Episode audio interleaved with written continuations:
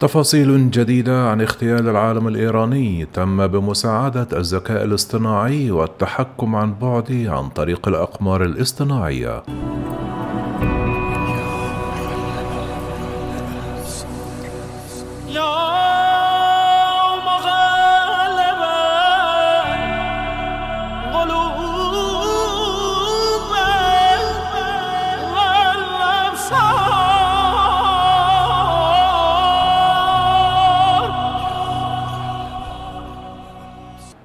كشفت صحيفة نيويورك تايمز تفاصيل جديدة تتعلق بعملية قتل العالم النووي الإيراني الأبرز فخري زادة.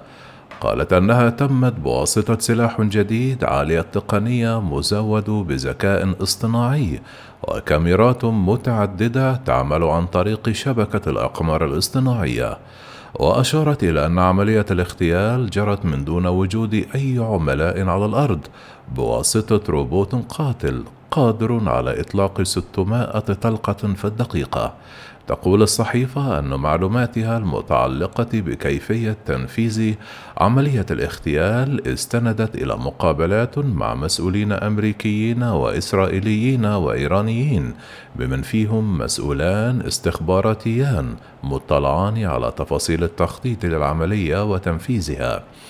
قتل العالم الإيراني البارز فخري زادة البالغ من العمر 59 عاما والذي تتهمه إسرائيل بالوقوف خلف برنامج نووي عسكري تنفي طهران وجوده في هجوم استهدف سيارته في مدينة أبسرد بمقاطعة داموند شرقي طهران في نوفمبر الماضي. واتهم الرئيس الإيراني في حينها حسن روحاني إسرائيل بتدبير اغتيال العالم وتوعدت طهران بالرد.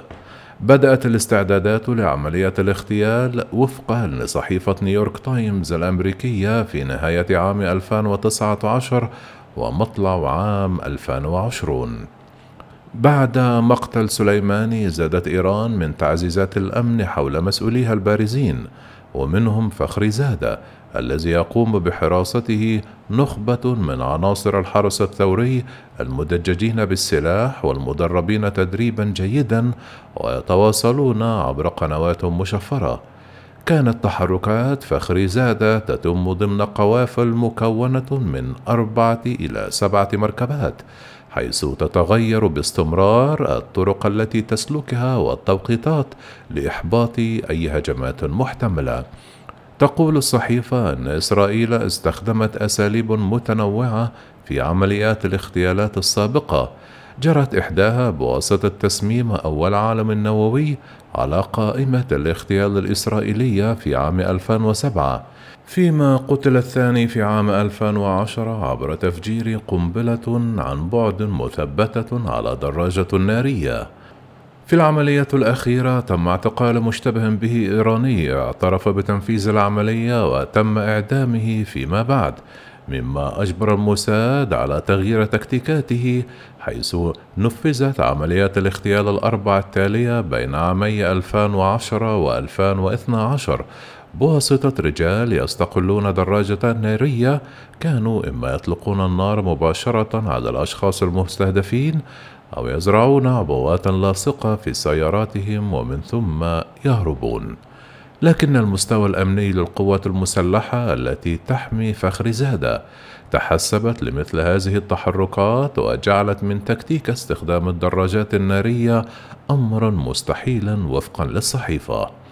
تضيف أن المخططين لعملية اغتيال زادة بحثوا خيار تفجير عبوة ناسفة على طول طريق العالم النووي الإيراني كيجبر القافلة على التوقف حتى يتمكن القناص من مهاجمتها. وتتابع تم استبعاد هذه الخطة بسبب احتمال وقوع اشتباك مسلح ربما سقط خلاله الكثير من الضحايا. في النهاية تم اقتراح فكرة استخدام مدفع رشاش يتم التحكم فيه عن بعد ولكن كانت هناك مجموعة أخرى من التعقيدات اللوجستية لأن حجمه ووزنه يجعلان من الصعب نقله وإخفائه من دون أن يتم فتح الخطة. وفقا لمسؤول استخباراتي مطلع على الخطة اختارت إسرائيل نموذجا متطورا من مدفع رشاش بلجيكي الصنع من طراز FN MAG مرتبط بروبوت ذكي متطور قال المسؤول أن النظام لم يكن مختلفا عن نظام Sentinel 20 الذي تقوم شركة Escribano الأسبانية بتصنيعه. بلغ وزن المدفع الرشاش مع الروبوت وباقي الملحقات مجتمعة نحو طن تقريبا. لذلك تم تفكيك المعدات إلى قطع صغيرة ومن ثم جرى تهريبها إلى إيران بطرق وأوقات مختلفة وثم أعيد تجميعها سرا في إيران. تم بناء الروبوت ليتناسب مع حجم حوض سيارة بيك اب من طراز زماياد شائعة الاستخدام في إيران وكذلك تم تركيب كاميرات في اتجاهات متعددة على الشاحنة لمنح غرف القيادة صورة كاملة ليس فقط للهدف وتفاصيله الأمنية ولكن للبيئة المحيطة. في النهاية تم تفخيخ الشاحنة بالمواد المتفجرة حتى يمكن تفجيرها عن بعد وتحويلها لأجزاء صغيرة بعد انتهاء عملية القتل من أجل إتلاف جميع الأدلة. بعد ذلك كان هناك تحد يجب أن تتم معالجته وهو التأكد من أن فخري زاد هو من يقود السيارة وليس أحد أبنائه أو زوجته أو حارسه الشخصي حتى لا يتم استهداف الشخص الخطأ. وبما أن إسرائيل تفتقر إلى قدرات المراقبة في إيران لعدم قدرتها على استخدام الطائرات المسيرة التي تستخدم لتحديد الهدف قبل الضربة، لذلك تم وضع سيارة على جانب الطريق الذي يسلكه زادة والتظاهر بأنها كانت معطلة. تم وضع السيارة قرب مفترق طرق وتزويدها بكاميرا مرتبطة بأقمار اصطناعية ترسل الصور مباشرة إلى مقر قيادة العملية. بدأت العملية فجر الجمعة في السابع والعشرون من نوفمبر من عام 2020 كانت الشاحنة التي تحمل المدفع الرشاش متوقفة في شارع الإمام الخميني حيث وجد المحققون الإيرانيون في وقت لاحق أن كاميرات المراقبة على الطرق تم تعطيلها.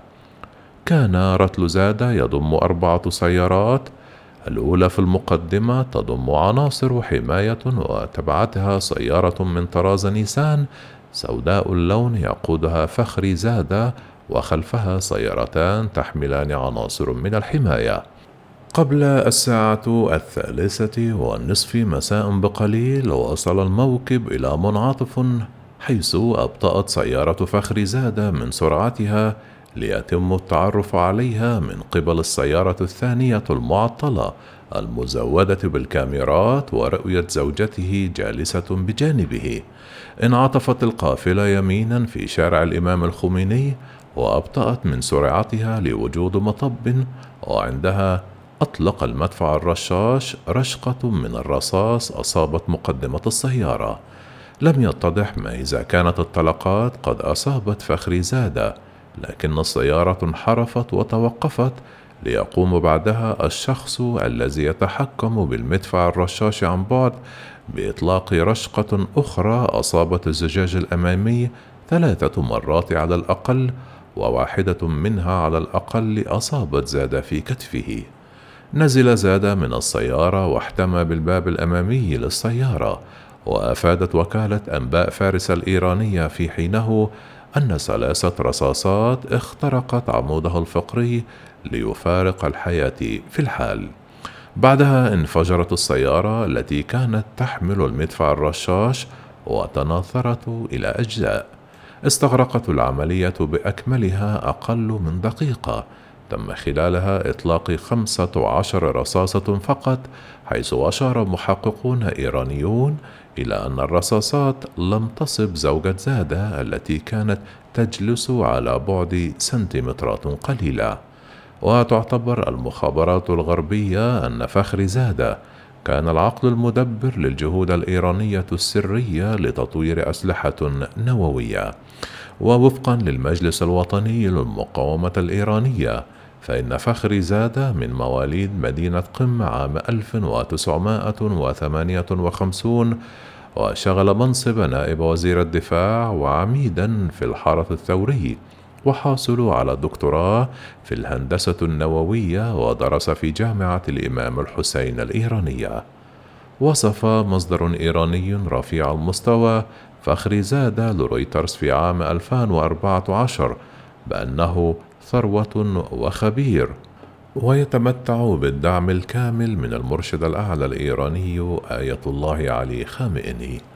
ووصف التقرير الأممي الصادر عن الوكالة الدولية للطاقة الذرية عام 2011 بأن زاد شخصية محورية في العمل الإيراني المشتبه به لتطوير التكنولوجيا والمهارات اللازمة لصنع القنابل الذرية وأشار إلى أنه ربما لا يزال لديه دور في مثل هذا النشاط ويعتقد أيضا أن فخري زادة شارك في تطوير الصواريخ البالستية الإيرانية وقال مصدر إيراني لرويترز أنه يعتبر أبا لهذا البرنامج.